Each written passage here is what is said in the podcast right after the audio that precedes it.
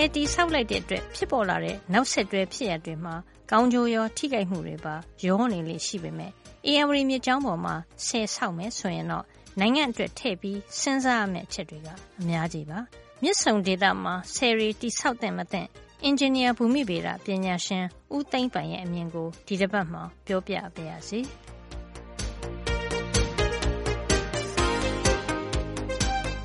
ကျွန်တော်ကတော့ အားလုံးသိတဲ့အတိုင်းပဲအေယာဝတီဆိုတာ ဗမာပြည်ရဲ့ အသည်းနှလုံး ဗမာပြည်ရဲ့ ယဉ်ကျေးမှုလေအေယာဝတီယဉ်ကျေးမှုလို့တောင် ပြောလို့ရတယ်။ဘာလို့လဲဆိုတော့အေယာဝတီမြစ်ကြီးက ကျွန်တော်တို့ဗမာနိုင်ငံမြောက်ကနေ တောင်ကိုစီးဆင်းပြီးတော့မှအေယာဝတီမြစ်ကြောင်း ဖြတ်သွားတဲ့ နယ်တွေ မြို့တွေ အကုန်လုံးကို လူတွေကို အများကြီး အကျိုးပြုတဲ့ မြစ်ကြီးတစ်စင်းပါ။ဒါကြောင့် ဒီမြစ်ပေါ်မှာ ဆည်ဆောက်မယ်ဆိုလို့ရှိရင် စဉ်းစားစရာအချက်တွေ အများကြီးရှိတယ် ဧရာဝတီရဲ့ အဲဒီမြစ်ဆုံရဲ့ အပေါ်ပိုင်းမှာ သူတို့ ဆောက်ဖို့ ရည်ရွယ်ထားတာ ဆည် ၇ ခုလောက် ရှိပါတယ်။အခုဒါ နောက်ပိုင်း အများပြည်သူက ကန့်ကွက်ထားတာပေါ့။ရပ်ထားတဲ့ အနေအထားမှာ ရှိပါတယ်။ဒေသခံ တိုင်းရင်းသားတွေ အပါအဝင် လူထုလူတန်းစား အဖွဲ့အစည်း အသီးသီးကနေပြီးတော့မှ ကန့်ကွက်နေတဲ့ တကယ့် စီမံကိန်း ဖြစ်တယ်ပေါ့လေ။ပြောရမယ်ဆိုလို့ရှိရင်တော့ အချက်အလက်တွေရော အကြောင်းတရားတွေရောက အများကြီးပါပဲ။ကျနော်ကတော့ ဒါ Geologist တယောက် ဖြစ်တဲ့အတွက်ကြောင့်မို့ Geologist တယောက်ရဲ့ အမြင်လေး အနေနဲ့ပဲ အရေးကြီးတဲ့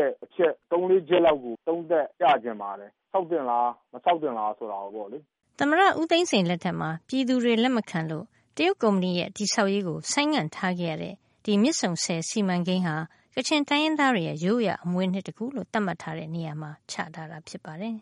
မြစ်ဆုံက တကယ်တမ်းကျတော့ မေခနဲ့ မလိခနဲ့ မြစ်နှစ်ကြောင်းဆုံတဲ့နေရာကို မြစ်ဆုံလို့ပြောပြီး အဲဒီနေရာမှာ ဆောက်မှာပေါ့လေ။မေခနဲ့ မလိခမြစ်မှာလည်း မေခမြစ်ပေါ်မှာဆိုလို့ရှိရင် ၅ ခုဆောက်မှာ မလိခအပေါ်မှာတခုဆောက်မှာပေါ့လေ။မြစ်ဆုံအပါအဝင်ဆို၇ခုဖြစ်သွားတာ။ဆိုလိုတဲ့အဓိပ္ပါယ်ကမြစ်ဆုံရဲ့အထက်ပိုင်းမှာကိုမေခနဲ့မလိခမှာကိုသူတို့ကနောက်ထပ်၆ခုလောက်ဆောက်ဖို့လျာထားတာပေါ့လေ။အဲဒီမှာဆည်တခုချင်းတခုချင်းရဲ့နာမည်တွေလည်းပဲအကြမ်းဖျဉ်းသတ်မှတ်ထားတာရှိပါတယ်။ဆောက်တာတော့မစရသေးဘူး။မြစ်ဆုံကိုစလုပ်တဲ့သဘောပေါ့လေ မြစ်ဆုံဆည်က တကယ့်ဆည်အကြီးစားကြီး ဆည်အကြီးစားကြီးဆောက်မယ်ဖြစ်တဲ့အတွက်ကြောင့်မို့ ရေလှောင်တဲ့ပမာဏကလည်း အရမ်းကိုများတယ်။အရမ်းကိုများတဲ့အတွက် အရင်တုန်းက တောတောင် မြေပြင်ဖြစ်တဲ့နေရာတွေက တကယ့်ရေလှောင်ဧရိယာကြီးတခုလုံးဖြစ်သွားပြီးတော့ အားလုံးဟာ ရေအောက်ကိုမြုပ်သွားမှာ။အဲဒီလိုရေအောက်ကိုမြုပ်သွားလို့ရှိရင် အဲဒီမြစ်ဆုံဒေသမှာရှိနေတဲ့ မူလသဘာဝ တောတောင်ရေမြေ အလှအပတွေအကုန်လုံးက လုံးဝကွယ်ပျောက်သွားမှာ သဘာဝပတ်ဝန်းကျင်က လုံးဝခြားနားပြောင်းလဲသွားမှာ။ဒီလိုမျိုး ရေအောက်ကို ရောက်သွားမယ်ဆိုရင် ဘယ်သောအခါမှ ဒီသဘာဝအလှတရားတွေကို ပြန်မရနိုင်တော့ဘူး။ဒါကြောင့်မို့ မြစ်ဆုံဒေသက တကယ်ပြောမယ်ဆိုရင် ကျနော်တို့နိုင်ငံရဲ့ National Treasure လို့တောင်မှ ပြောလို့ရတဲ့ တကယ့်ဧရိယာကြီးပဲ။သဘာဝအလှအပတွေ ပျက်စီးဆုံးရှုံးသွားနိုင်တယ်။ဘယ်သောအခါမှ ပြန်မရနိုင်တော့ဘူး။အဲဒီအချက်ကြောင့် မဆောက်သင့်ဘူး။ဒီနိုင်ငံရဲ့ ရတနာတပါးဖြစ်တဲ့ အမွေအနှစ်တွေ ပျောက်ကွယ်ရုံတင်မကပါဘူး။ဆည်ဆောက်လို့အတွက်ပေါ်လာမယ့် ဘေးထွက်ဆိုးကျိုးတွေကလည်း များလှပါတယ်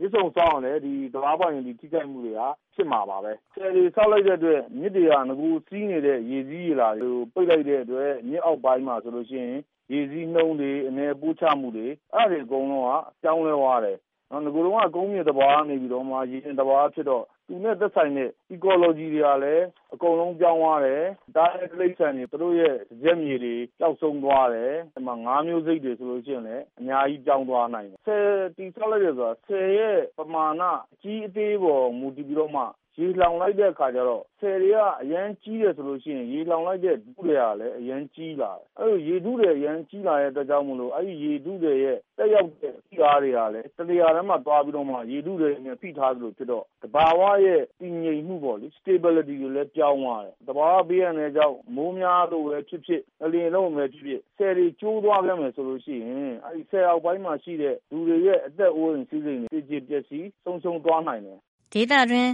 သဘာဝရဲ့တည်ငြိမ်မှုပျက်ပြားနေချိန်မှာစစ်ကိုင်းပြတ်ရွေ့တာလှုပ်ရှားမှုရှိလာခဲ့ရင်အန္တရာယ်ဟာမတွေးဝံ့စရာပါ။မြစ်ဆုံဆည်ကဗမာနိုင်ငံရဲ့တကယ့်နာမည်ကျော်တခုဖြစ်တဲ့စစ်ကိုင်းပြတ်ရွေ့နဲ့နီးကပ်နေတာပေါ့လေ။စစ်ကိုင်းပြတ်ရွေ့ဆိုတာဗမာနိုင်ငံမှာအဓိကငလျင်တွေပြုစေတဲ့ပြတ်ရွေ့ကြောတခုလို့ပြောလို့ရတယ် ဒီပြတ်ရွေ့ကြောက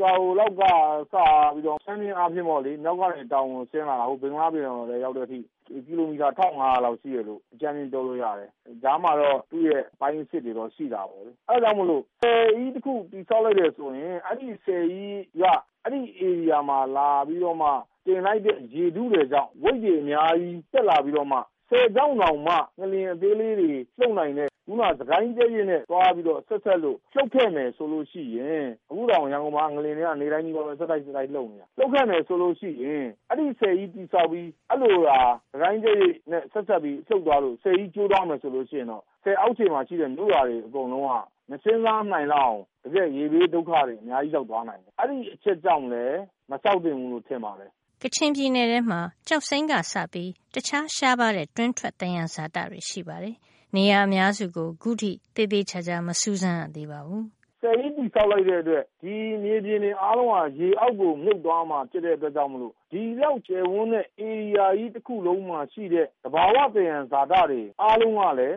ရေအောက်ကိုမမြုပ်သွားမှာပါ ဒါကြောင့် ဆည်မဆောက်ခင်ကတည်းက အဲဒီဧရိယာကြီးတခုလုံးမှာရှိတဲ့ သဘာဝသယံဇာတတွေကိုရော သေသေချာချာ လေ့လာတိုင်းတာပြီးပြီလား။ကချင်ပြည်နယ်ဆိုတာ အားလုံးသိတဲ့အတိုင်းပဲ သဘာဝသယံဇာတတောများမှာကျောက်စိမ်းထွက်တယ်။အဲဒီမြစ်ဆုံမှာ ကျောက်စိမ်းမထွက်ဘူးဆိုရင်တောင် ရွှေနဲ့ တခြားအဖိုးတန် သယံဇာတတွေ အဲလိုဟာမျိုးတွေ အများကြီးရှိနိုင်ပါတယ်။ဒါကြောင့်ဒီသဘာဝသယံဇာတတွေ၊သတ္တုတိုက်တွေ တခြားဟာတွေကိုရော detail လေ့လာပြီးပြီလား။အဲလိုမှမဟုတ်သေးဘူးဆိုလို့ရှိရင်တကယ်တန်ဖိုးရှိတဲ့ဟာတွေကရေအောက်မြုပ်သွားပြီးတော့ကျနော်တို့ကရေလောက်ပဲသုံးလို့ရမယ်၊လျှပ်စစ်ဓါတ်အားကိုပဲသုံးလို့ရမယ်ဆိုလို့ရှိရင်ဒါကလည်းမဖြစ်သင့်ဘူးလို့ပဲပြောရမှာပဲ။ဒါကြောင့်မို့လို့ခုနပြောတဲ့အချက်သုံးချက်အရသဘာဝအလျှတရားတွေအားလုံးပျောက်သွားမယ်။ငလျင်လှုပ်လို့စစ်ကိုင်းဖော့ကြီးလှုပ်လို့လှုပ်ခဲ့လို့ဆည်ကျိုးရင်အောက်မှာရှိတဲ့လူတွေအကုန်လုံးဒုက္ခရောက်သွားနိုင်တယ်။နောက်တခုက ဆည်ရေလှောင်လိုက်မယ့်ဧရိယာတခုလုံးမှာရှိတဲ့ မြေအောက်က သဘာဝသယံဇာတတွေ အကုန်လုံးကို သေသေချာချာ လေ့လာထားမှု မရှိသေးဘူး။အဲဒီအချက်သုံးချက်နဲ့တင် ကျနော့်ရဲ့ ပုဂ္ဂလိကအမြင်ကို ပြောရမယ်ဆိုဒီမြစ်ဆုံဆည်ကြီးက မဆောက်သင့်ပါဘူးလို့ အဲလိုပဲ ပြောချင်ပါတယ်။တရုတ်နဲ့ ဖက်စပ်တည်ဆောက်မယ့် ဒီဆည်စီမံကိန်းကို မလုပ်သင့်ကြောင်း တရုတ်ပညာရှင်တွေကိုယ်တိုင်က အကြံပေးခဲ့တာ ရှိတယ်လို့လည်း ဦးသိမ့်ပိုင်က ပြောပါတယ်။မြန်မာပညာရှင်တွေဘက်ကလည်း ကောင်းကျိုးထက်ဆိုးကျိုးပိုများစေမယ့်ဒီစီမံကိန်းရှေ့ဆက်မှာကိုမလိုလားကြဘူးဆိုတာကိုတင်ပြရင်းဒီသတင်းပတ်အတွက်သိပ္ပံနဲ့နည်းပညာကဏ္ဍကိုဒီမှာပဲရနာလိုက်ပါရစေ။နောက်တစ်ပတ်မှာပြန်ပြီးဆုံရအောင်